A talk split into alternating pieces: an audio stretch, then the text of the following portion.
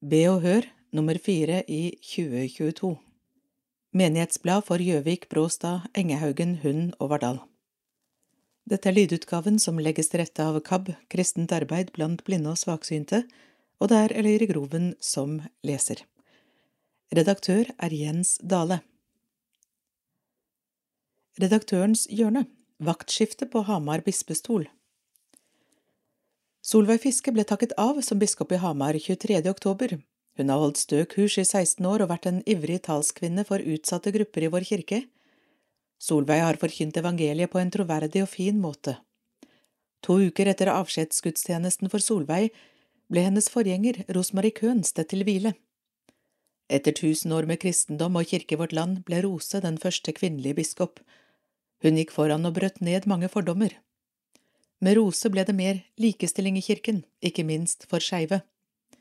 En uke etter Roses begravelse ble Ole Christian Bonden utnevnt til ny biskop i Hamar.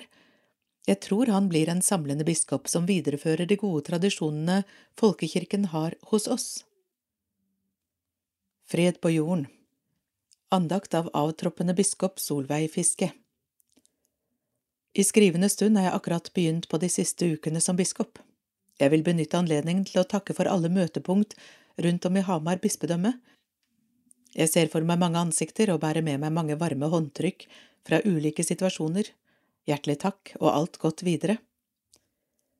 Vi lengter etter nettopp det som den himmelske hærskare sang den første julenatt. Ære være Gud i det høyeste, og fred på jorden blant mennesker Gud har glede i. Vi har ei tid som er preget av uro over den spente krigssituasjonen i Europa og usikkerhet inn mot hva fortsettelsen blir. Jeg kjenner at engelens ord om frykt ikke og englekorets sang og bønn om fred på jord berører et ønske, en drøm og et håp som inspirerer til å tro på og arbeide for rettferdighet og fred. Sangen på Betlehemsmarkene viser vei til å se Gud i krybben. Evigheten strømmet inn i det øyeblikket barnet ble født, og Jesu fødsel setter i gang en bevegelse som aldri har opphørt. Barnet som ble født, er et håp og en kjærlighet. Alle som har holdt et lite nyfødt menneske i hendene, vil kunne gjenkjenne dette. Det er nært og stort, vakkert og meningsmettet. Våre erfaringer blir satt i et svimlende perspektiv i møte med fødselen i Betlehem og englesangen om fred på jord. Det løfter alle nyfødte barn opp mot himmelen og inviterer til å realisere håpet, drømmen og bønnen om fred på jord. Jesusbarn er en liten knopp som er sprengfull av håp også i dag. Med juleevangeliets grensesprengende kraft åpnes livets kilder og framtidshåp for alle mennesker, og Kristi kjærlige lys holder oss fast i fremtid og håp for livet her og i evigheters evighet.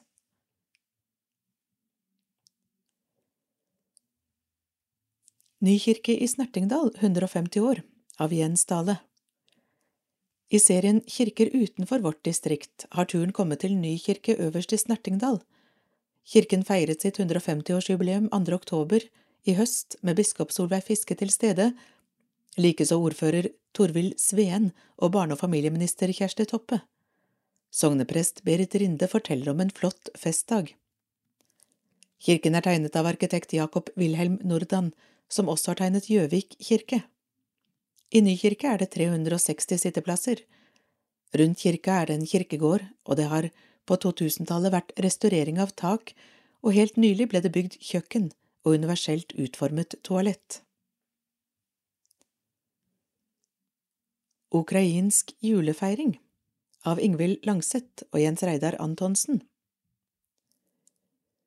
Vi har i kveld hatt besøk av to flotte damer fra Ukraina.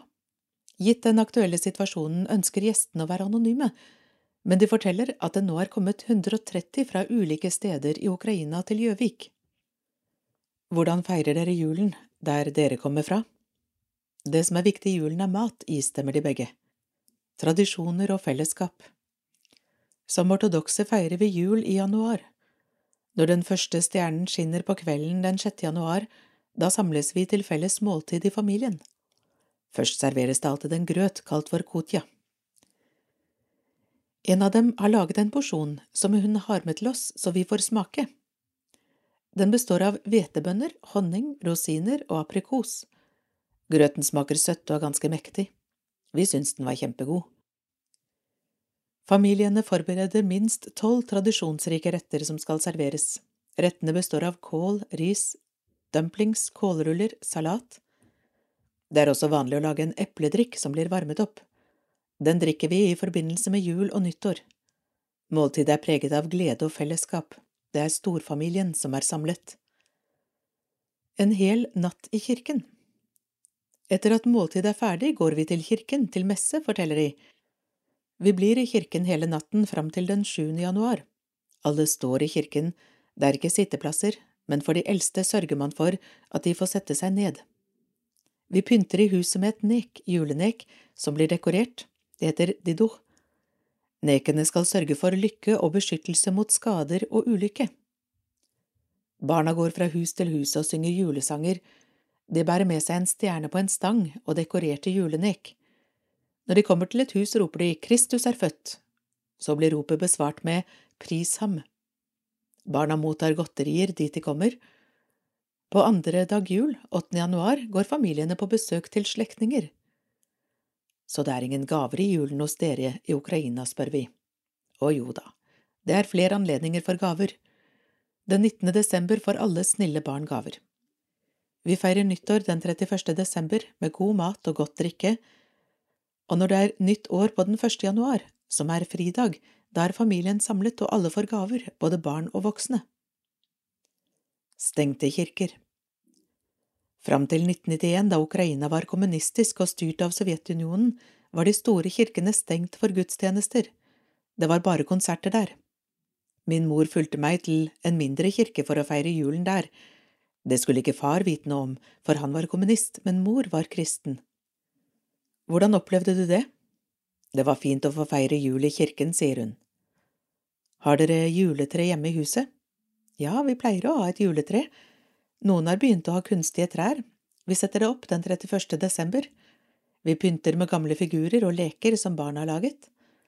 En anekdote forteller følgende om når treet skulle ut igjen, hvis mannen i huset ikke ville ta ut tre, ble det stående til den 8. mars, for da er det kvinnedagen, og kvinnen får det gjort. Det vanlige er å la treet stå til slutten av januar.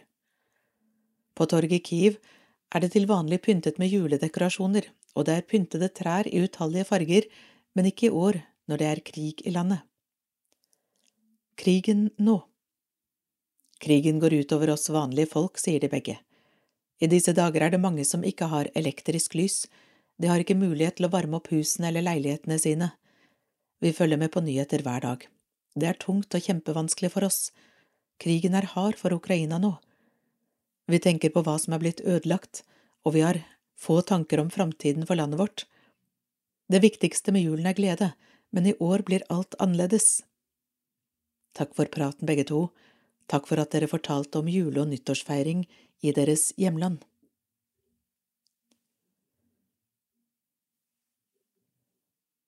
Strålende jazzmesse Steve Dobrogos jazzmesse ble fremført i Gjøvik kirke søndag 13. november. 80 sangere fra Fredheim Blande Kor, koret Oslo Ø og Bærum Kammerkor samt strykere og klaver leverte en fantastisk konsert. De ble belønnet med stående applaus av en fullsatt kirke. Oi, Jul med Ole Edvard Antonsen i Gjøvik kirke 9. desember klokken 18. Orkester Innlandet og trompetgiganten Ole Edvard Antonsen inviterer til julestemning i Gjøvik kirke. På programmet står blant annet Hendels Water Music, Vivaldis Vinteren fra de fire årstidene. Andre klassiske perler mikses med Atle Sponberg spesial, tango. Oblivion av Maria Navidad blir også å høre. Flere numre er i samspill med unge musikanter fra Innlandet. Velkommen til konsert med seriøs barokk, crossover og et topporkester, i kombinasjon med en topp internasjonal solist. Gunda Marie Brus i Gjøvik kirke 13. desember Brus bor på Eina og har utdannelse blant annet fra Operahøgskolen i Stockholm. Hun har stått på store scener over hele verden. I høst har hun hatt stor suksess i Ringsakeroperaen. Gunda har sunget i Gjøvik kirke mange ganger, og julekonserten 13.12. klokka 19 har et allsidig program fra det klassiske til det mer populære. Den Norske Opera i Gjøvik kirke 10. desember Lørdag 10.12. klokken 18 blir det storfint besøk fra Den Norske Opera i Gjøvik kirke i anledning Cæsar Franks 200-årsdag. Vi får høre noe av hans mest spennende orgelmusikk, den vakre fiolinsonaten og utdrag fra operaen Hulda, fremført av solister fra Den Norske Opera. Frank var en belgisk pianist, organist og komponist som under sin levetid var kjent for sine orgelimprovisasjoner. I dag er han kanskje mest kjent for sin fiolinsonat i A-dur og sin eneste symfoni, men han komponerte også noen operaer. En av dem var Hulda, et av få verker i operalitteraturen som har en handling tillagd Norge. Den franske librettoen baserer seg på Bjørnstjerne Bjørnsons teaterstykke Haltehulda. Handlingen utspiller seg på Romsdalskysten i det ellevte århundre og forteller om Hulda som søker hevn over Aslak, som myrdet familien hennes. Så godt som ingen kjenner operaen i dag. I forbindelse med jubileet vil sangere fra operakoret, sammen med pianist Thomas Jotelainen, fremføre utdrag fra operaen. Operaen fremviser Franks karakteristiske kromatiske tonespråk og innflytelse av Wagner, Berlioz og Meyerbeer. Billetter kroner 250 i døra, gratis for barn og unge under 16 år. Lucia-konsert for 25. gang Når jentene i Gjøvik kunst- og kulturskole ungdomskor inviterer til Lucia-konsert i Gjøvik kirke 17. og 18. desember, blir det vakkert og stemningsfullt. I år er det konsert lørdag klokken åtte og søndag klokken 18. Med levende lys og hvite luciakapper kommer jentene syngende inn i en mørklagt kirke. Tove Lundborg dirigerer for 25. gang. Det er gratis inngang, men mulighet til å gi en gave. Julekonsert i Bråstad kirke 11. desember Kasta musikkforening inviterer til julekonsert i Bråstad kirke søndag 11. desember klokken 18. Dette er en konsert med lange og gode tradisjoner. Her blir det nye og gamle juletoner i en stemningsfull blanding. Det er bare å komme og dumpe ned på kirkebenken og senke skuldrene i en travel førjulstid. Julekonsert i Engehaugen kirke 6. desember I år er julekonserten i Engehaugen kirke tirsdag 6. desember klokken 18 og det kan hende at du leser dette først etter denne datoen, i og med at Be og Hør utgis 5. desember og distribueres i dagene etter dette. Men vi tar for gitt at Jon Lotterud, Ingvild og Trond Nagel Dahl, Helge Harstad og Kjell Håkon Aalvik leverer sakene i år også, som vanlig på bestilling av Kulturutvalget i Engehaugen kirke. Julekonsert i Vardal kirke 20. desember Helt siden 1974 har Grande mannskor arrangert julekonsert i Vardal kirke. Slik blir det også i år på svært tradisjonelt vis, tirsdag 20.12. klokken 19. Gjester er som vanlig Skansen og Grande musikkorps og Vardal gospelkor, sammen med kirkens prest Roger Brevik og organist Anders Byfugl Lien. Det blir liksom ikke jul uten denne konserten, og det har smertet oss stort å avlyse under pandemien, sier Roger Hansen i Grande mannskor. Nå håper vi på smekkfullt hus når kor og korps byr på kjente og kjære juletoner, ispedd noe nytt, sier Hansen. Konserten har fri entré, med mulighet til å gi en gave.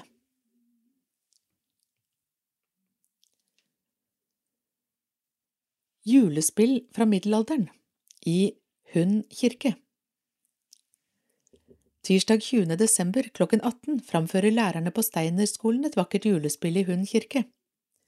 Det bygger på julespillene som ble fremført i hele Europa i middelalderen. Den gang var det en stor ære å få være med på fremføringen. Skuespillerne måtte føre et svært sedelig liv under innøvingen. Guttene måtte ikke ype til krangel i vertshusene, ikke skulle de banne og ikke fly etter jentene på lørdagskveldene. De kvinnelige deltakerne måtte også føre en svært dydsiret tilværelse. Så det er altså mye å leve opp til for kollegiet ved Steinerskolen Gjøvik-Toten. Det var for øvrig Rudolf Steiner selv som skapte tradisjonen med fremføringen av Kristi fødselsspillet og Gjeterspillet. Fremføringen i Hund er åpen for alle, og det er fri entré. Midnattkonsert lille julaften i Gjøvik kirke Det er 30 år siden tradisjonen med denne konserten startet. Etter to år ufrivillig pause på grunn av pandemien ønsker Fredheim Blande Kor og Gjøvik Bybrass publikum velkommen tilbake til en konsert som i alle år har samlet fullt hus. Peder Arnt Kløverud dirigerer koret, og Morten Fagerjord bybrassen. Kantor Paul Wilmot deltar, og Jens Dale vil også i år ha en kort julebetraktning. Solister fra egne rekker er Peder Arnt Kløverud vokal og Torgeir Øyen på eufonium. Konserten starter 23. desember klokken 23. Dørene åpnes klokken 22. Romjulskonsert i Gjøvik kirke 28. desember. En fin tradisjon med konsert på fjerde juledag er etablert i Gjøvik kirke. Marit Botsberg Weide, Paul Wilmot og Liv Astrid Dahl står for det musikalske, og publikum får høre orgelmusikk av blant annet Johan Sebastian Bach, noen duetter og Helganatt og Sound the Trumpet. Konserten starter klokken 18, og det er gratis adgang. Alle er hjertelig velkommen. Biskop Solveig Fiske takker av. En kirke for alle har vært mitt motto. Av Amund Sigstad og Jens Dale. Solveig Fiske kom fra prestestilling i Løten. Da hun ble vigslet til biskop i Hamar domkirke 17. desember 2006, hadde hun dette mottoet i bagasjen En kirke for alle. Jeg hadde et ønske om å formidle evangeliet slik at mennesker kjenner at det berører og gir styrke og håp. Kirken skal være til stede i lokalsamfunnet, en folkekirke. Jeg har ofte brukt lignelsen om sennepsfrøet som Jesus fortalte til å fargelegge dette.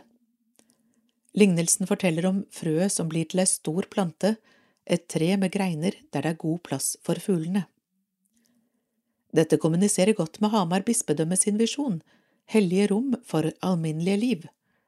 Visjonen tar utgangspunkt i alminnelige folks lengsler og behov, og inviterer til å forstå livet i lys av evangeliet om Jesus Kristus. Å ta utgangspunkt i menneskers alminnelige liv er en programerklæring. Midt i folks liv skal kirka være, for å vise at Gud er der også. Likekjønnet vigsel En av de første utfordringene Solveig møtte, var spørsmålet om heterofilt og homofilt samliv skulle likestilles med en rituell handling i kirken. Her hadde hennes forgjenger Rosmarie Køhn tatt en viktig avgjørelse ved å gjeninnsette Siri Sunde som prest i Nordre Land. Hun var blitt permittert etter å ha inngått partnerskap. Solveig ga sin støtte til kjønnsnøytral ekteskapslov som kom i 2008.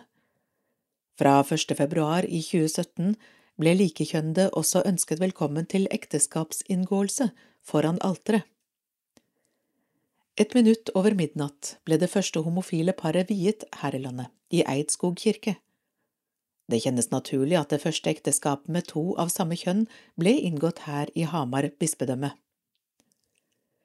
Solveig har engasjert seg i arbeidet for skeive ved å søke allianser med politikere, samfunnsinstitusjoner, organisasjoner, hos andre kirker og trossamfunn og på tvers av landegrenser. Fri folkekirke en av de største endringene i min periode er overgangen fra statskirke til grunnlovsforankret folkekirke. Den nye loven om trossamfunn innebærer mange muligheter for samarbeid og samhandling i et livssynsåpent samfunn, for vi lever i et samfunn i endring. Befolkningen endrer seg, både i by og bygd, og vi får flere med ulik etnisk bakgrunn. Det fordrer åpenhet, gode kulturmøter og dialog om identitet, kultur og religion, spennende. Kirken står sterkt i Hamar bispedømme. Sju av ti innbyggere er medlem i Den norske kirke, og tallene er veldig stabile.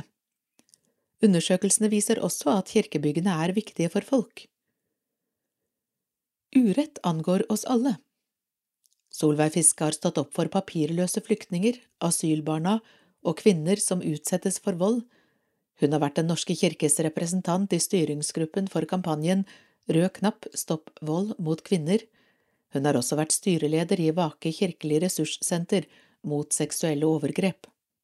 Vil vi være en kirke som bringer håp og forkynner budskap om den store gleden for alt folket, må vi våge å nærme oss menneskers livserfaringer, sier Solveig. Godt mottatt. Solveig har møtt mange som er engasjert og glade i kirka si, ikke minst gjennom bispevisitasene. Hun har sett mye godt arbeid for barn og unge innen kirkemusikk og diakoni. Det er sterkt å oppleve dugnadsinnsats, iherdig og planmessig vedlikehold, og jeg vil også si sorgen når en kirke brenner. Solveig framsnakker også det gode samarbeidet på bispedømmekontoret og sine bispekolleger.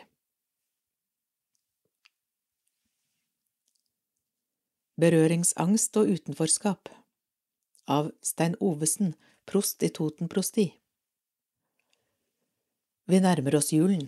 Den bringer glede og utfordringer. Jeg vil nevne to ord, berøringsangst og utenforskap. To ord som vil prege julefeiringen for altfor mange. Utenforskap handler om mennesker som blir holdt utenfor det gode selskap. Det er mange årsaker til utenforskap.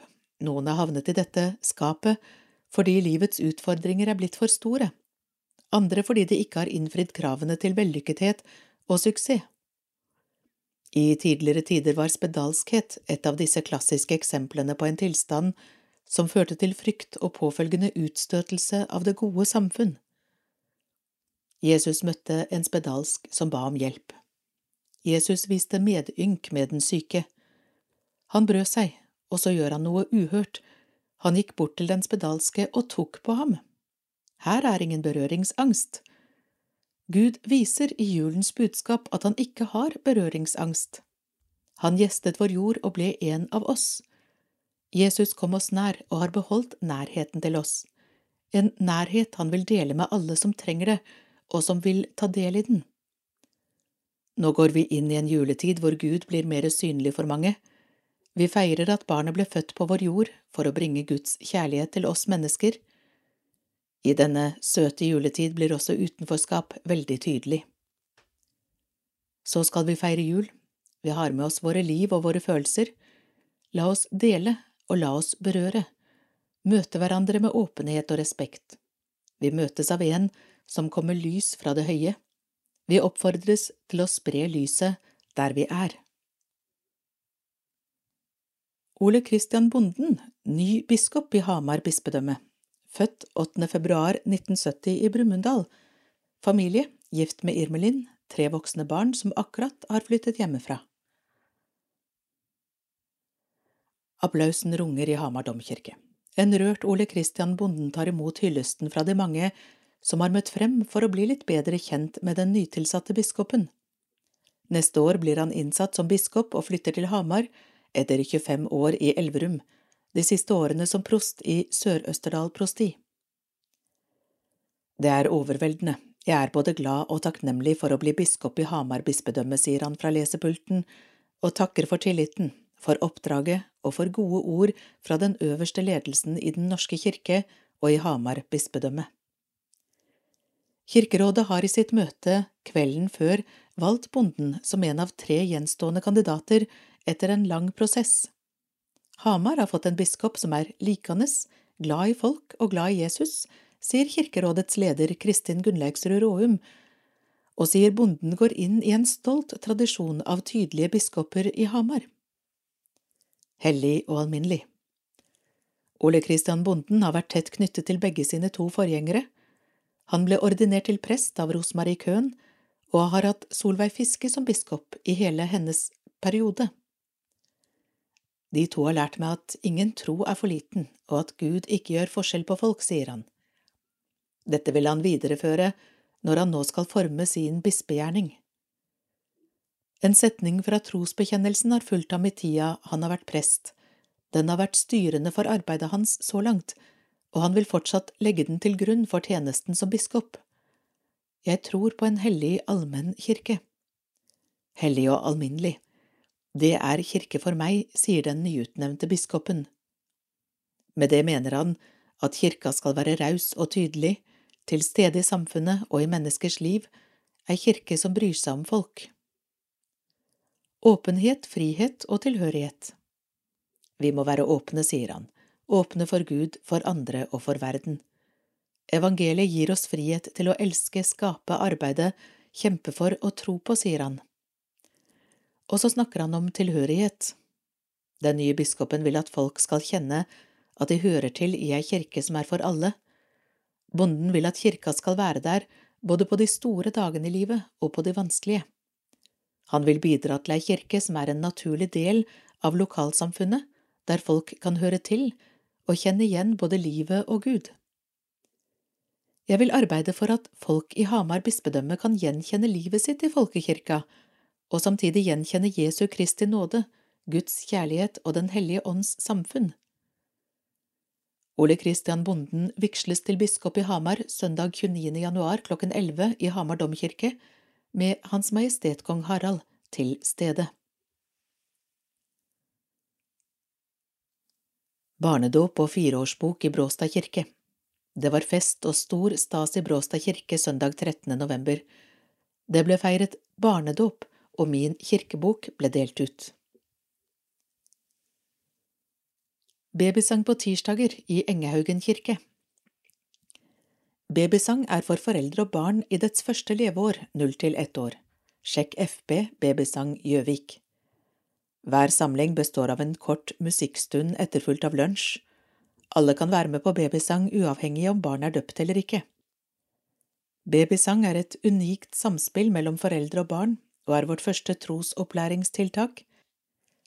Vi håper at foreldre og barn gjennom babysang blir fortrolige med å være i kirken og med å bruke den. Babysang skal være et møtested, et fellesskap med andre i samme livssituasjon. Her har en mulighet til å bygge eller utvide sitt nettverk. Musikkstunden består av våre mest kjente barnesanger og kristne barnesanger med bevegelser til, rim og regler og andre måter å samspille med barn på. Din stemme er den vakreste for ditt barn. Innsamling til nytt flygel i Engehaugen Det var god stemning på musikkvelden i Engehaugen kirke 16. november. Over 15 000 kroner ble samlet inn til nytt flygel. En kvartett bestående av Kai Bjørn Lindstad, Amund Haugen Tusvik, Randi Mo og Arngeir Mo spilte. Gregers Lund hadde en avdeling, likeså Hilde Leonardsen, som sang akkompagnert av Jon Lotterud på flygel. Christian Sporild var lydtekniker og spilte til allsang. Tone Langseth Luth leste prolog, og kvelden ble ledet av Jens Reidar Antonsen, Kaffe og sveler ble servert. Flygelet er av merket Wendel og Lung, modell 179, produsert i 2010. Det mangler nå 25 000 kroner før instrumentet er betalt. Hvis du ønsker å støtte prosjektet, er VIPS nummeret 6283 72. Vil du bli søndagsskolelærer? Engehaugen søndagsskole trenger flere søndagsskoleledere og andre frivillige medarbeidere. Kanskje du kan tenke deg å være med? Ta kontakt med Mette Holmstad 95 12 78 51 eller Anders Uthaug 95 14 00 19. Konfirmantledere på tur Fellesskap er kanskje det aller viktigste i gjengen som jobber som frivillige ungdomsledere i Gjøvik. Derfor tok ca 20 av trosopplærere og ungdomsledere turen til Merke i Valdres 28. til 30. oktober. Røde Kors sitt leirsted Merke ble brukt til Gjøviks konfirmantleirer fram til 2018. Der er det rikelig med plass og svært god mat. Det ble en flott helg med fellesskap, undervisning og forberedelser til kommende arrangementer i kirken min. Tanker fra kirketrammen før jul av Tom Torkehagen Det er ikke til å unngå, og ikke vil jeg det heller. Jeg blir både påvirket, inspirert og imponert av de menneskene jeg til nå har fått lov til å portrettere her i bladet vårt. Spennende er det også, så mange forskjellige og unike mennesker med helt ulike historier, og de har, etter noe overtalelse, vært villige til å dele den med oss.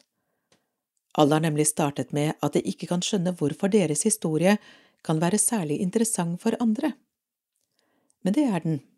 Vi kommer nærmere hverandre når vi deler våre opplevelser, tanker og følelser.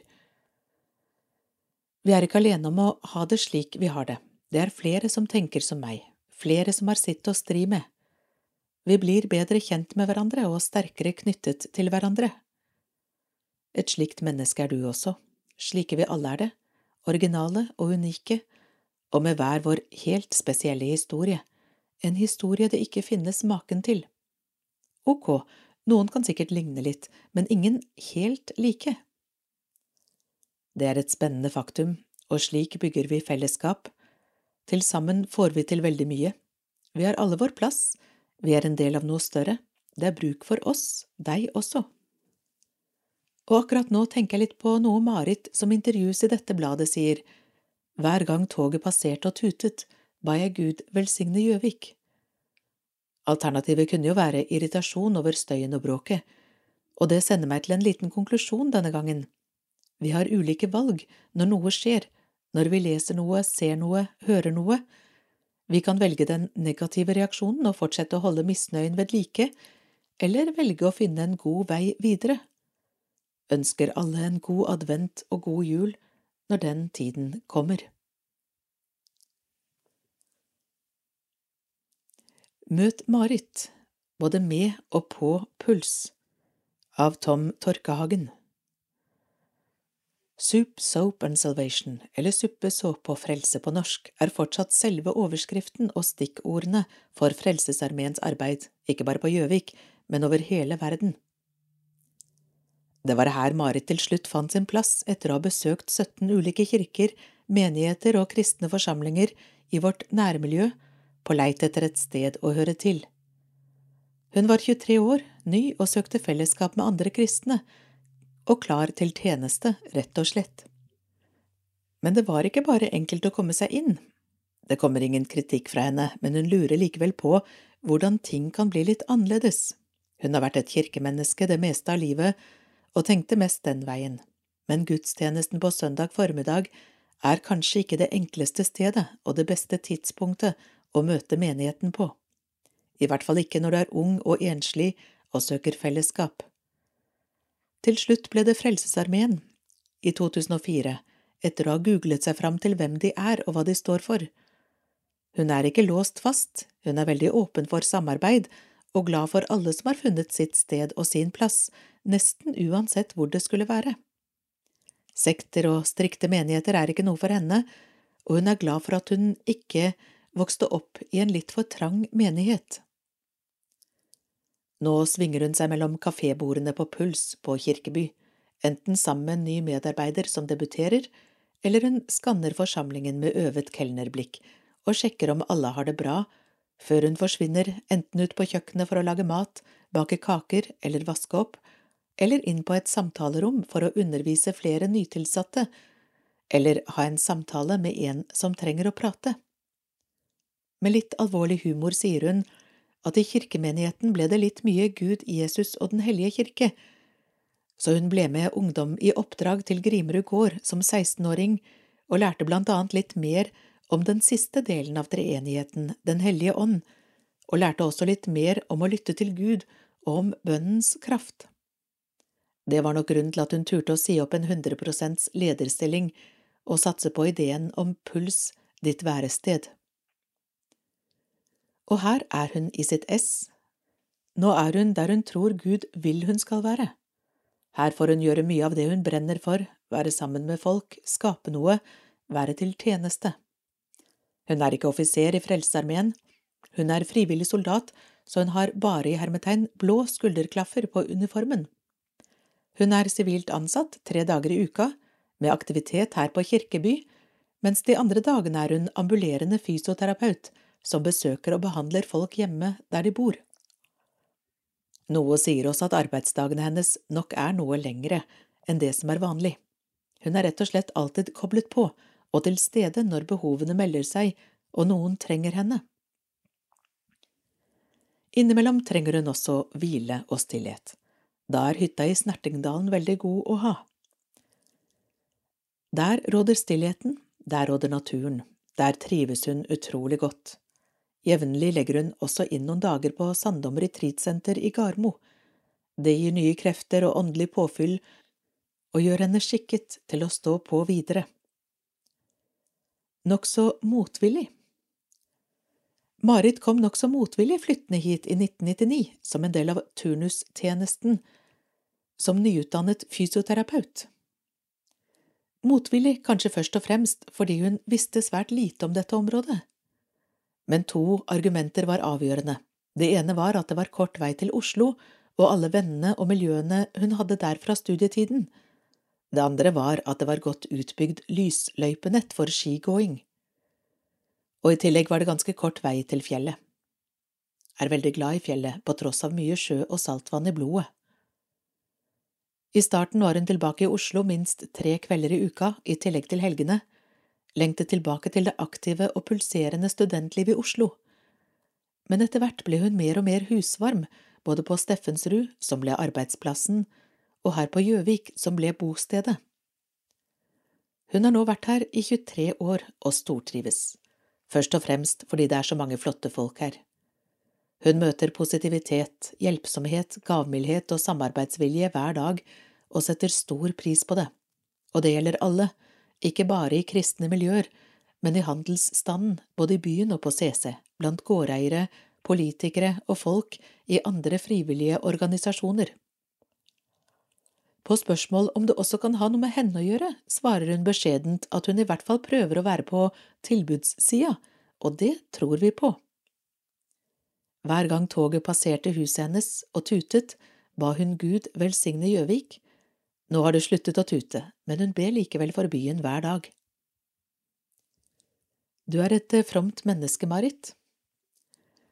Først protesterer hun forsiktig på å bli kalt from, noe hun forbinder litt for mye med prektighet, men etter at vi har sjekket betydningen litt nærmere, takker hun for at noen vil bruke det ordet om henne.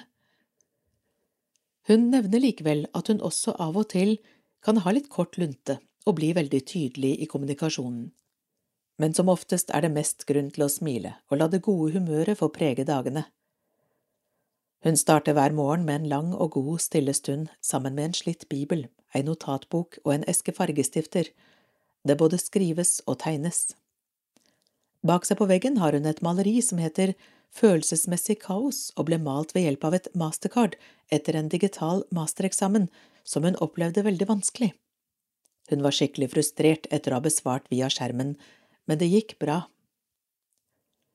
Plass til alle Det er helt grunnleggende for Marit at det skal være plass til alle, og at alle mennesker har samme verdi. Barndommens sang om at Jesus elsker alle barna, gjelder også alle voksne.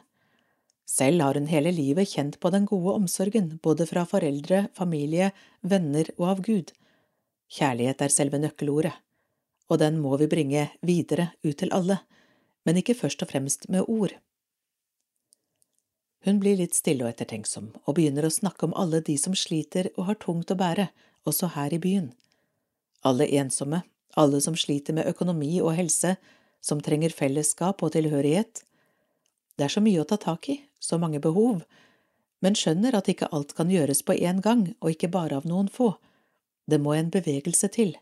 Vi må ut fra møterommene og ut for å møte folk der de er. Hun savner egen familie skulle gjerne hatt det, men slik er det ikke nå. Hun har inngått en tydelig avtale med Vår Herre om at den dagen det kommer en prins ridende på en hvit hest og stopper utenfor huset, da er hun klar til å svare ja. Det har nok stoppet noen, men foreløpig ikke prinsen, ler hun. Om et år eller så vil Frelsesarmeen flytte all sin aktivitet til Bakkegata, ikke så langt fra der de opprinnelig drev, der blir det store og tidsriktige lokaler, større kjøkken og mange parkeringsplasser.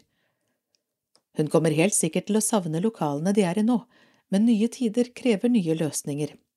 Og det blir helt sikkert bra, avslutter en positiv og entusiastisk Marit, som i det samme registrerer at hun vil komme litt for seint til håndballtreningen i Tranberghallen.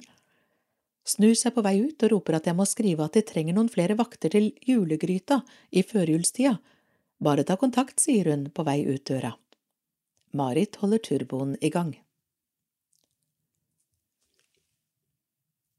Marit Helene Ulvahaug Olsen er hennes fulle navn, fornavnet er etter bestemødrene, betyr for øvrig skinnende perle, kom til verden i mars i 1976 i Sandefjord.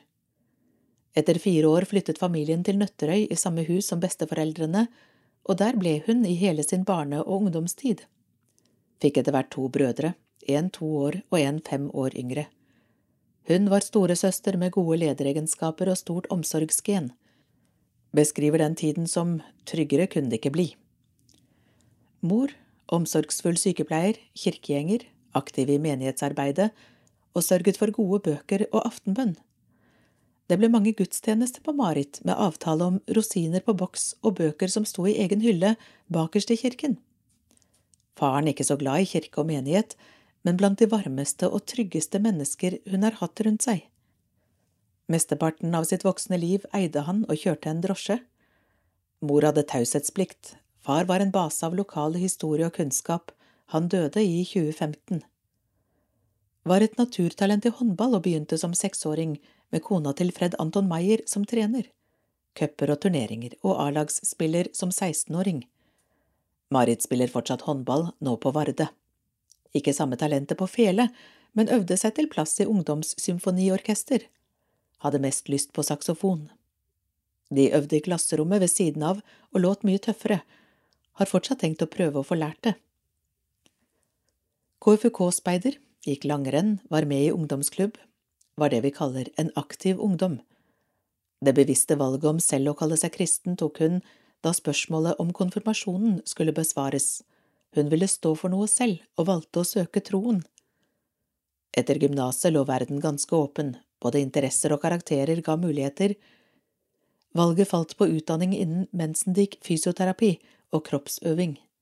Har flere etterutdanninger, både i faget og som leder følte at hun tapte loddtrekningen da turnussteder skulle velges og hun måtte til Toten i 1999, men siden har hun vært her og stortrives.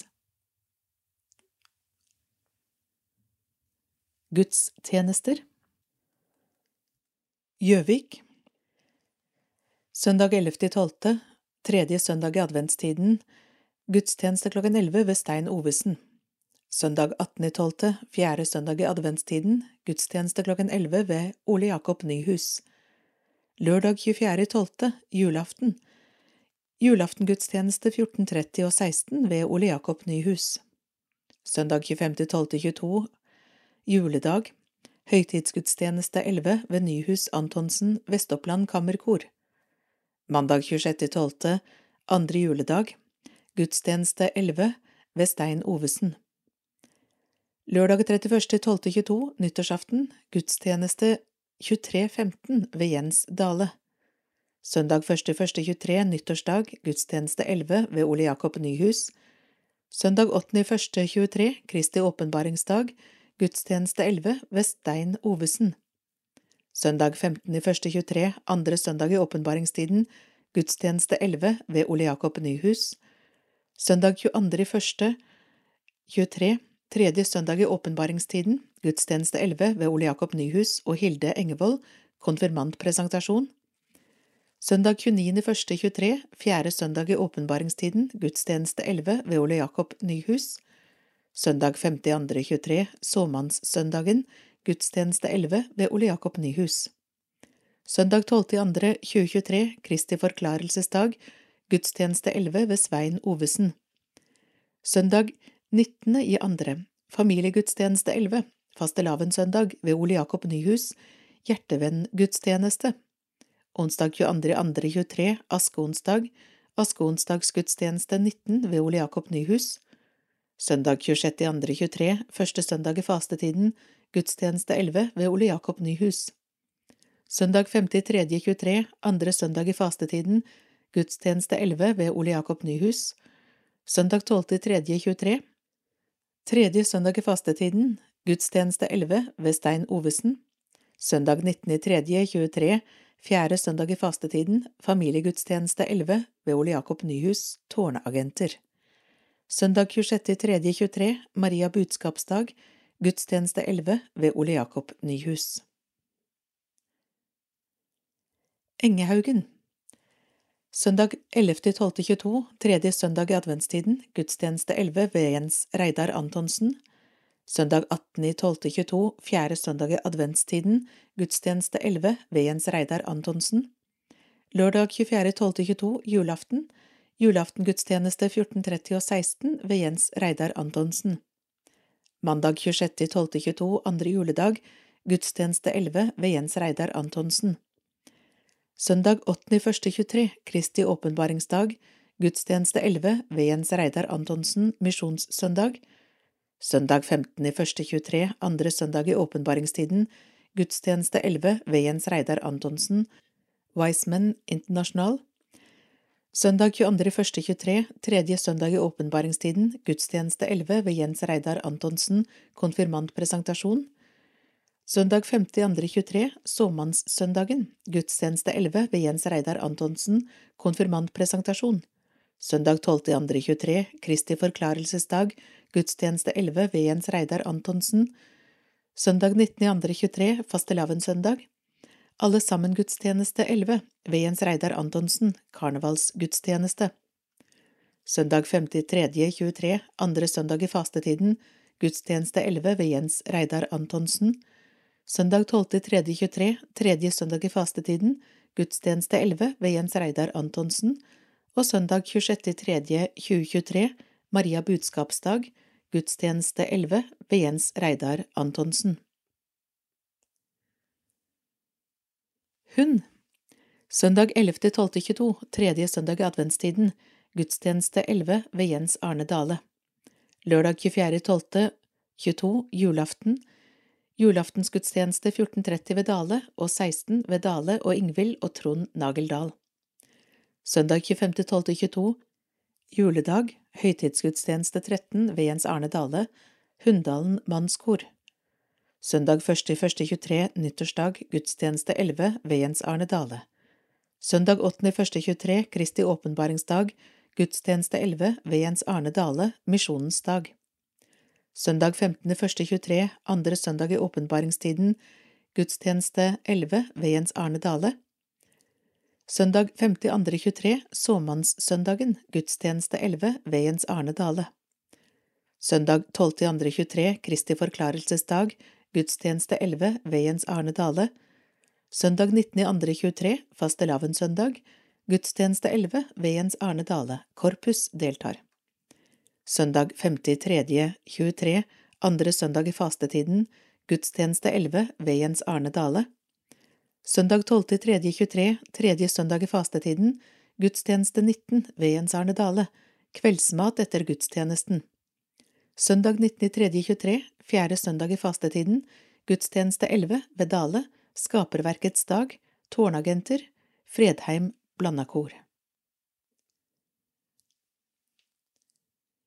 Vardal Lørdag 24.12., 22, julaften, julaftensgudstjeneste 16 ved Roger Brevik. Søndag 25.12.22, juledag, høytidsgudstjeneste 11 ved Roger Brevik. Mandag 26.12.2022, andre juledag, Skansen, gudstjeneste 11 ved Roger Brevik. Lørdag 31.12.22, nyttårsaften, gudstjeneste 16 ved Roger Brevik. Søndag 15.01.23, andre søndag i åpenbaringstiden, gudstjeneste 11 ved Roger Brevik, konfirmantpresentasjon, Vi synger jula ut. Søndag 29.1.23, fjerde søndag i åpenbaringstiden, gudstjeneste 11 ved Roger Brevik. Søndag 12.2.23, Kristi forklarelsesdag, gudstjeneste 11 ved Roger Brevik, tiårsjubileum for dåp. Søndag 26.2.23, første søndag i fastetiden, gudstjeneste 11 ved Roger Brevik.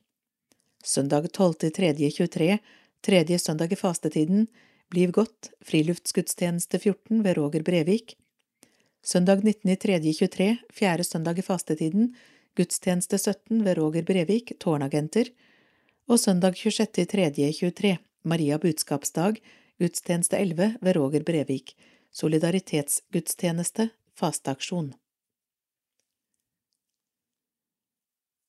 Bråstad Lørdag 24.12.22 julaften. Julaftensgudstjeneste 14 ved Roger Brevik. Søndag 8.1.23 Kristi åpenbaringsdag. Gudstjeneste 11 ved Roger Brevik Konfirmantpresentasjon. Vi synger jula ut.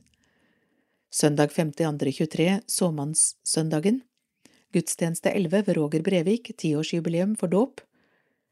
Søndag 12.3.23 Tredje søndag i fastetiden Gudstjeneste 11 ved Roger Brevik, hjertevenn, toåringer. Søndag 26.3.23, Maria budskapsdag, gudstjeneste 18 ved Roger Brevik, solidaritetsgudstjeneste, fasteaksjon.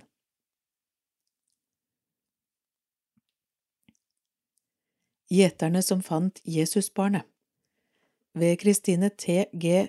Hardeberg, som er forfatter av boken Kunsthistorie for alle, som ble utgitt i november 2022. Hun har tidligere gitt ut romanen De uskyldige.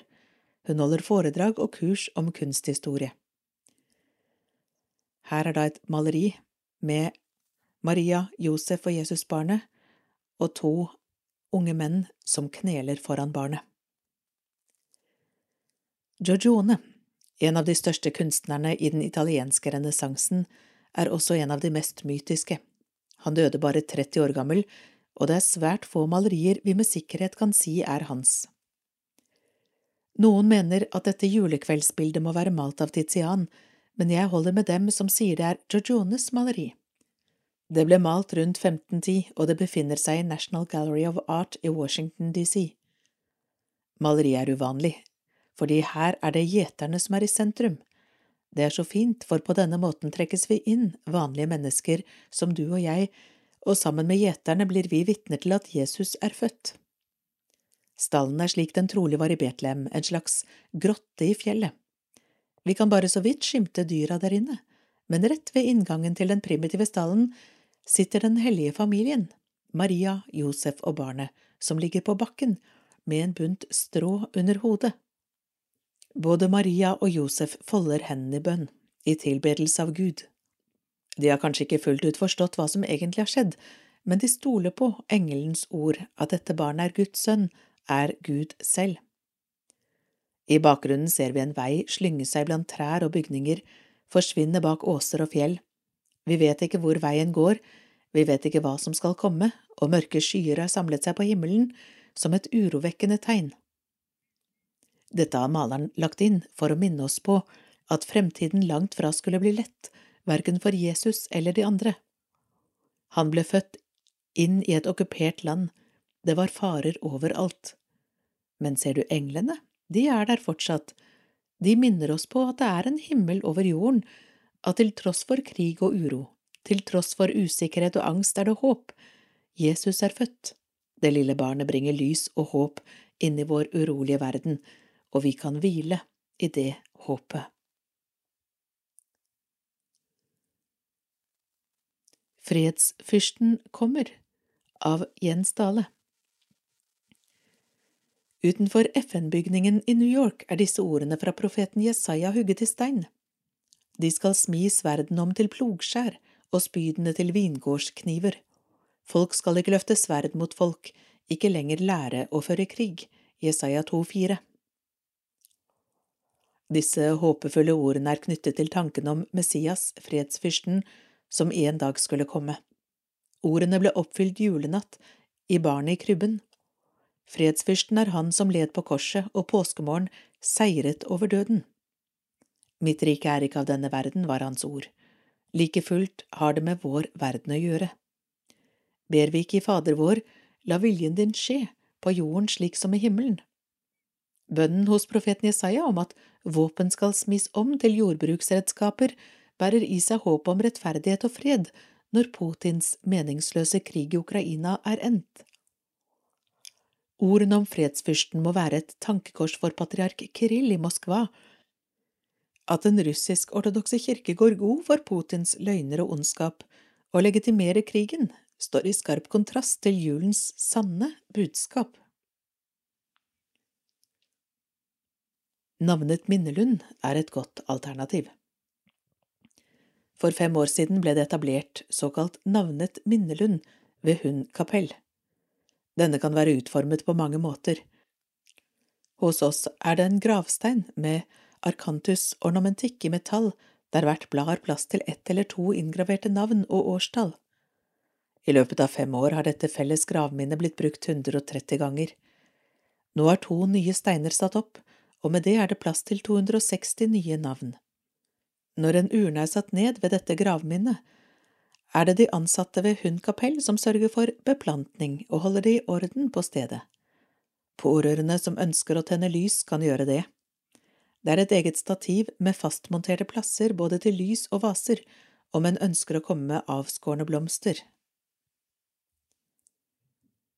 Nye vedtekter for gravplassene i Gjøvik kommune. Det har i år vært en revisjon av vedtektene for gravplassene. Disse ligger ute på kirkens hjemmesider. Det står blant annet det er anledning til å tenne stearinlys og oljelampe på graven så lenge dette er innenfor gjeldende regler om brannvern. Stearinlys, oljelamper og andre løse dekorgjenstander skal fjernes etter bruk. Årsaken til at gravlys av plast med metallokk ikke kan benyttes, er at når lyset har brent ut, blir disse lampene så lette at fuglene tar dem med og slipper dem på andre steder. Det kan for eksempel være i enger eller jorder der gresset blir slått. Lyktene med metallokk kan da bli med i fôret til husdyr og være skadelig. Spørsmål omkring vedtektene kan rettes til kirkevergen i Gjøvik. K-forum på Ynglingen er et fellesskap i regi av KFUK-KFUM. Alle kvinner over 20 år er velkomne. 17. januar klokken 19.30, med hånda på rattet, Ann-Kristin Tomte ved Tomte trafikkskole viser oss veien. Tomte har vært trafikklærer på Gjøvik i 30 år. Hun har eid og driftet Tomtes trafikkskole i 20 år. Hun har også blant annet vært styreleder i hovedorganisasjonen for trafikkskoler og styremedlem i Trygg Trafikk, med mer. På fritiden har hun utdannet seg til yogainstruktør og mindfulness-instruktør, og er opptatt av at både hode og kropp må trenes. 21. februar Heidi Froknestad, ung kvinnelig arkitektpioner, satte preg på Gjøvik. Heidi Froknestad fra Mjøsmuseet besøker K-forum på KFK-KFUM Ynglingen tirsdag 21. februar klokken 19.30. Hun vil fortelle om en av Norges første kvinnelige arkitekter som satte spor i Gjøvik by.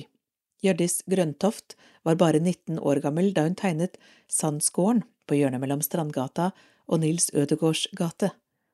Mye tyder også på at hun også var arkitekten bak Tårnvillaen. Fullt trøkk i Hund kirke Lørdag 29. oktober var det barnekorfestival i Hund kirke i regi av KFK-KFM. Over 60 barn og enda flere voksne fikk oppleve en festdag i kirka, med sang og dans, utelek og kreative formingsaktiviteter. Arrangementet het Kidsing Show. De som deltok var Lubago Lunder barnegospel, Smashing Minitensing fra Nordre Ål i Lillehammer, Biri kirkets barne- og ungdomskor, Søndre Land barnegospel og Brumunddal Veldre Kidsing. Tomatsuppe og is sto på menyen, og det store showet lørdag ettermiddag var preget av glede, sang og dans. Hans Martin Villberg i KFK KFM Innlandet ledet det hele. Fullt hus på Boddingfest Gjøvikmannen Paul Olaf Bodding var misjonær, språkforsker og etnograf i Santalistan i India. Han er hedret med statue utenfor Gjøvik kirke og fra 1947 har det vært holdt en årlig fest på Gjøvik bedehus byscena til minne om ham. 30. oktober i år var det Randi Dyrerud som holdt foredrag på Nordmisjonens boddingfest. Hun fortalte om denne giganten i norsk misjonshistorie, med utgangspunkt i kvinnene som skulle spille en avgjørende rolle i hans liv. Mye folk på Ynglingens basar. I starten av november var det basar på Ynglingen, slik tradisjonen tilsier. Handelsstanden i Gjøvik viste igjen sin raushet med å donere gevinster, og folk kom for å kjøpe lodd og oppleve gammeldags basarstemning. Det var godt ettersom mye av ynglingens aktivitet har vært redusert under pandemien. Gullkonfirmanter i Hund kirke 16. oktober 2022 Mette Møller, Brynhild Gravdal Plaum, Vigdis Martinsen Kverne, Anne Kari Strande, Øystein Wang, Runhild Danielsen Grina, Anne Grete Bakke, Sølvi Vågø, Berit Benonissen, Solfrid Paulsrud, Irene Slottsveen, Sissel Røise, Tor Arne Stensrud, Tormod Alm, Arne Borgar Leikvoll, Kai Robert Jacobsen, Gaute Udal Hansen, Geir Djupdal og Roger Olstad med prest Jens Dale. Gullkonfirmantene i Gjøvik var samlet til gudstjeneste og festlig lag på Viken folkehøgskole søndag 16. oktober. Her er det et bilde, men her står det ikke navn. Gullkonfirmanter i Vardal Anne-Elisabeth Hansebråten Weseth, Bjørg Røsbergshagen i parentes Eriksen, Liv Ingrid Gjelsbakken i parentes Tollefsrud, Solfrid Moen Sollien, Kai Lønstad, Tove Strandvik, Mailis Vesterås Evensen, May-Britt Sveen, Asmund Grønsås, Roger Breivik, Kjell Erik Weseth, Kjell Magne Steinbakken, Geir Roland, Wenche Lønstad, Trond Jøstne, Tore Myrvang, Røy Sveen, Sverre Ole Steinbakken og Jon Arild Sønsteby. Alternativ jul Alternativ jul på Gjøvik inviterer også i år til gratis åpen julefeiring i Fjellhaven. På julaften er det åpent fra 15 til 21. Julemiddag serveres klokken 17.30, og utover kvelden er det julegaver til alle, kaffe og kaker. Alle er velkommen, også barn og familier. Påmelding skjer på hjemmesiden alternativjuljovik.no eller på telefon 486 68 946. Det er tilbud også første og andre juledag. Se hjemmesiden. Konfirmanter Gjøvik Lea Selme Løken, Thea Hekneby Forberg, Marit Hekneby Forberg, Anne Eline Stjern Wiklund, Marion Bredesen, Maria Løvstad, Milla Erlimo Aasgaard, Marie Isabel Offerhals, Amilie Torstensen Eng, Kari Johanne Tovås, Ingrid Sivesin Molstad, Sofie Hansen, Vilde Molstadkroken, Tora Alvestad Rafteseth, Aurora Skarkerud, Andersen, Eirin Tomte Thomsson, Magnus Strøyer Andersen, Liam Alexander Gustavsen, Henrik Topp, Magnus Bjørke Rønning, Mattis Ytterdal Nordhagen, Markus Børsting Raknerud. Håkon Solli Hansen, William Engelien Furuseth, Simen Hovland, Kyrre Emil Brun Brenden, Elias Svendsen Strand, Tage Ingvaldsen, Tord Ingvaldsen, Magnus Kjelsrud Fjelstad, Hauk Uggen og Jonathan Hardeberg. Sammen med dem sogneprest Ole Jakob Nyhus og kateket Hilde Engevold.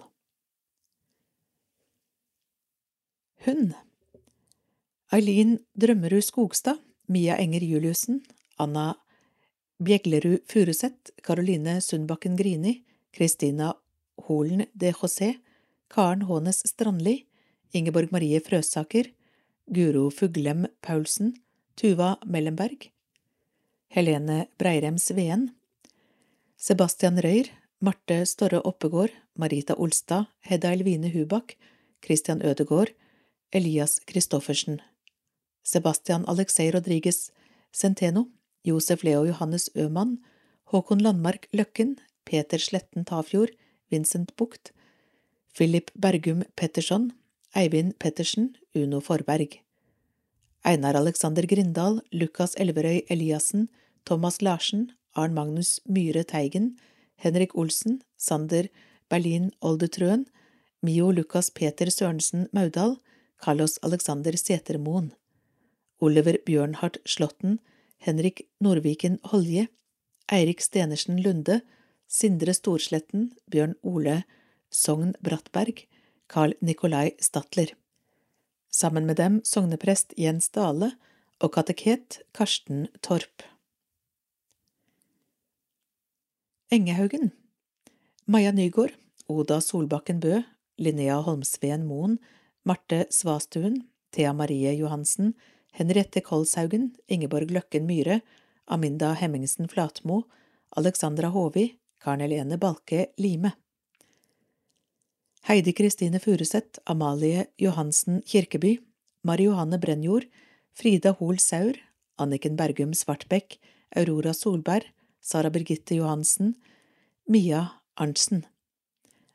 Natalie Hikor, Espen Klokkaug, Erik Tune, Malin Ajaksson Nybråten, Tuva Bakke Fuglerud, Synne Fjellhaug, Hedda Njå, Selma Marie Båkin Amli, Luka Urke Husteli, Johannes Bakke, Peder Korshavn Kummen, William Bredesen, Emilie Strangstadstuen, Frida Halvorsen, Helena Marit Enovntai, Ida Helmine Hagen, Amalie Fernlaug Torstensen Granum, Maja Reppeskår, Anine Sofie Ulsrud El Guendos, Hanna Lilleøren Lundon, Andreas Heimlund Bergli, Aksel Amli Sangvik, Vetle Enger Simensen, Sebastian Rønningen, Preben Laupeland Åsengen, Sander Rønningen, Emre Sørli Sandnes, Philip Reinholt Nereng, Emil Leander Gjøråsen Alm, Marius Hoel Skeide, Kristoffer Nysæter Moe, Philip Grini Gjelleseth,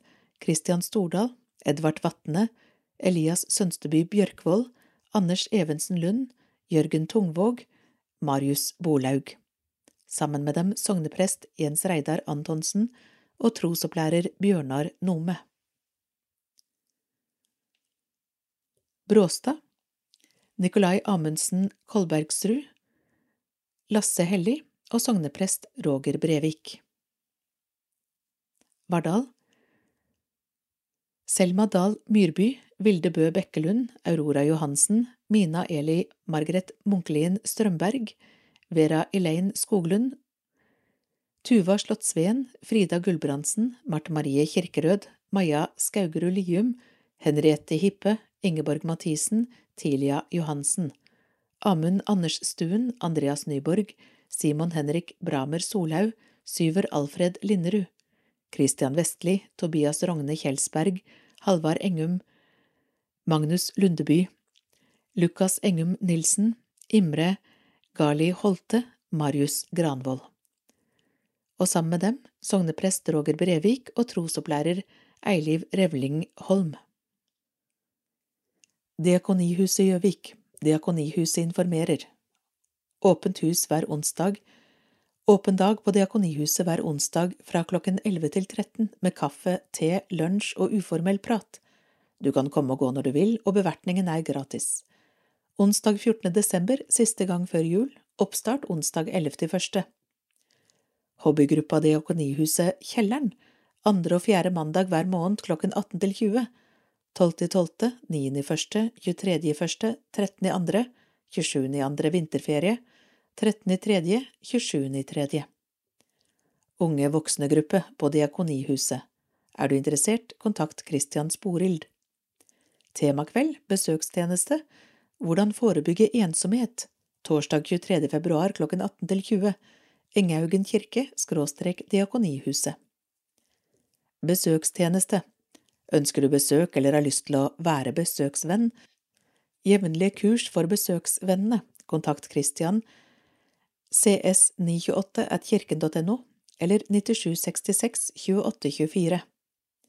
Generasjonssang Vi trenger fortsatt frivillige som vil være med å synge sammen med beboere på institusjon og barnehagebarn.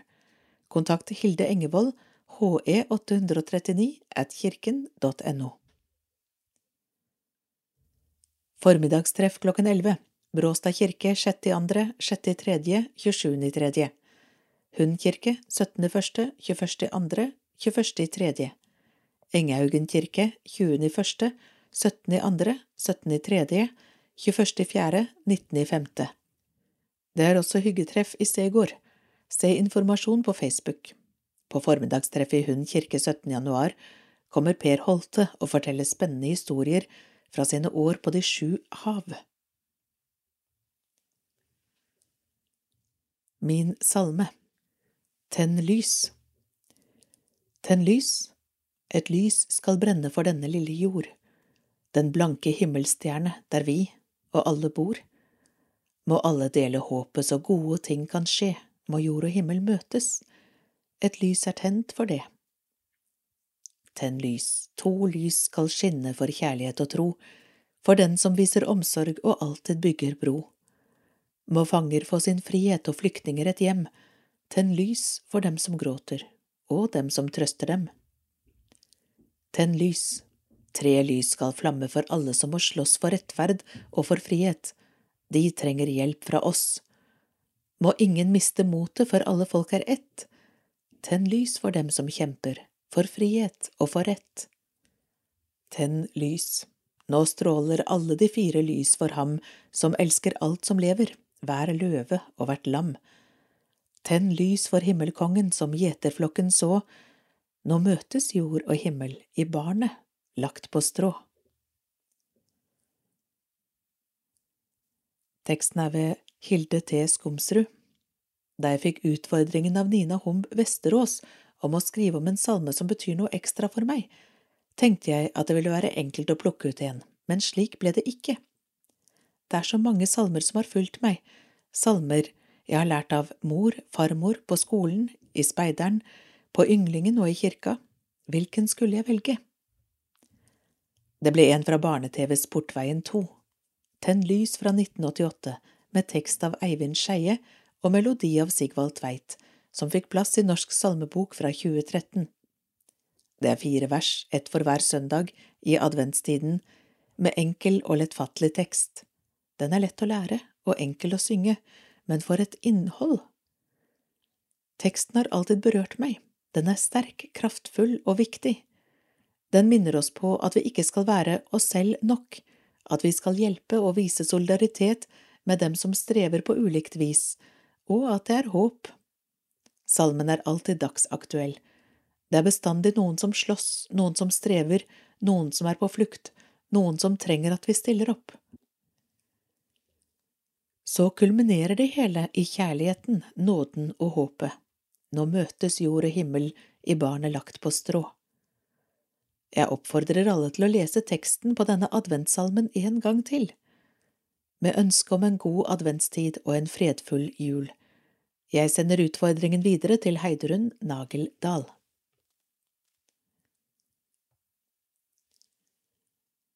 Slekters gang Vardal Døpte Frøya Strand Malmedal Emilie Magnussen Peder Ulven Elinor Rustad Aaslund Sunniva Gjøranli Viflat Noah Ludvigsen Hageengen, døpt i Ringsaker kirke Døde Oddleif Lereng, Sverre Haugom, Tom Bekkemellem, Anna Magdalena Tulak, Odny Lønstad, Aslaug Lovise Skyberg, Gerd Astrid Nybakke. Gjøvik, døpte Nikoline Løkken Tøru, Rikke Kristiansen, Henrik Jensen Nereng, Oskar Sveen, Nikoline Amundsen Krogh, Nils Jakob Patterson, Benjamin Øvstås, Sofia Wilhelma Schormann, Freya Skonnord Rød, Philip Kanevski Nilsson, Thomas Hammerseng Røg, Olander Fadum Håvi, Lukas Remmen Rokstad, døpt i Kråkstad kirke. Døde Margit Helene Jubal, Randi Marie Mathisen, Henny Håkonsen, Jan Ragnar Østfold, Janne Olivia Caspersen, Kjell William Smetsrud, Anna Kristine Vorpenes, Odny Helene Villassen Hoel, Johan Bernhard Edland, Åge Rundingen, Kari Margrete Martinsen, Frida Knutsen, Henrik Nøstdal, Mette Helen Stubberud, Bjørg-Marit Nøkling Olafsen. Engehaugen, døpte, Ulrik Eriksson, Mina Skråstad Johansen, Jens Nordengen Snilsberg, Ola Bjørnå Lappegard, døpt til Level kirke, Ål døde, Dag Normann Martinsen, Rune Brattås, Astrid Jorunn Dæhlen, Ernst Reiner Eikler, Carl Rudolf Hensch, Turid Hellerud Vollheim, Jenny Nygaard, Margot Sønsteby, Jan Rune Norsted. Hun, døpte, Trygve Hovdelin, Eivind Obrestad, Jesper Odberg, Ulrik VM Bergum, Noel Rostad.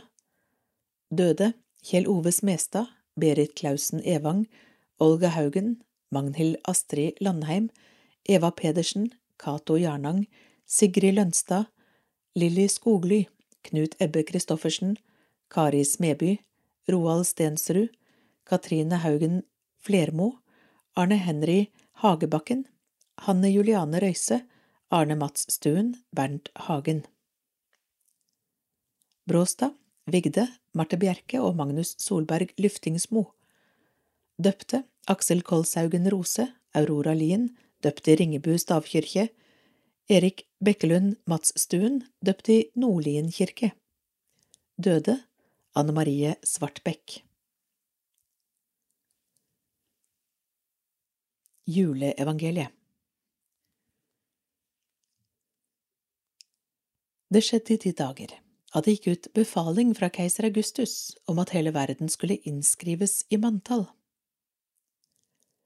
Denne første innskriving ble holdt mens Kvirinius var landshøvding i Syria, og alle dro av sted for å la seg innskrive, hver til sin by. Josef dro da fra byen Nasaret til Galilea opp til Judea, til Davids by Betlehem, siden han var av Davids hus og ett, for å la seg innskrive sammen med Maria, sin trolovede, som ventet barn. Og mens de var der, kom tiden da hun skulle føde, og hun fødte sin sønn, den førstefødte, svøpte ham og la ham i en krybbe, for det var ikke plass til dem i herberget. Det var noen gjetere der i nærheten som var ute og holdt nattevakt over sauene sine. Med ett sto en Herrens engel foran dem, og Herrens herlighet lyste om dem. De ble meget forferdet, men engelen sa til dem, Frykt ikke, jeg kommer til dere med bud om en stor glede, en glede for hele folket. I dag er det født dere en frelser i Davids by, han er Kristus, Herren. Og dette skal dere ha til tegn, dere skal finne et barn som er svøpt og ligger i en krybbe. Med ett var engelen omgitt av en himmelsk hærskare som lovpriste Gud og sang ære være Gud i det høyeste, og fred på jorden blant mennesker som har Guds velbehag.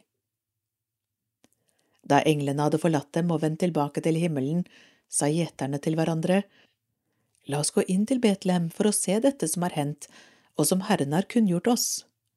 Og de skyndte seg av sted og fant Maria og Josef og det lille barnet som lå i krybben. Da de fikk se ham, fortalte de alt som var blitt sagt til dem om dette barnet. Alle som hørte på, undret seg over det gjeterne fortalte, men Maria gjemte alt dette i sitt hjerte og grunnet på det. Gjeterne dro tilbake mens de priste og lovet Gud for det de hadde hørt og sett, Alt var slik som det var blitt sagt dem. Lukas 2, 1–20 Gåte Hva er jeg? Vi brukes i adventstida, og det er fire av oss. Vi lyser pent. Og svaret er adventslys. Takk for rause bidrag til utgivelsen av Be og Hør på konto 2050 02 93 692.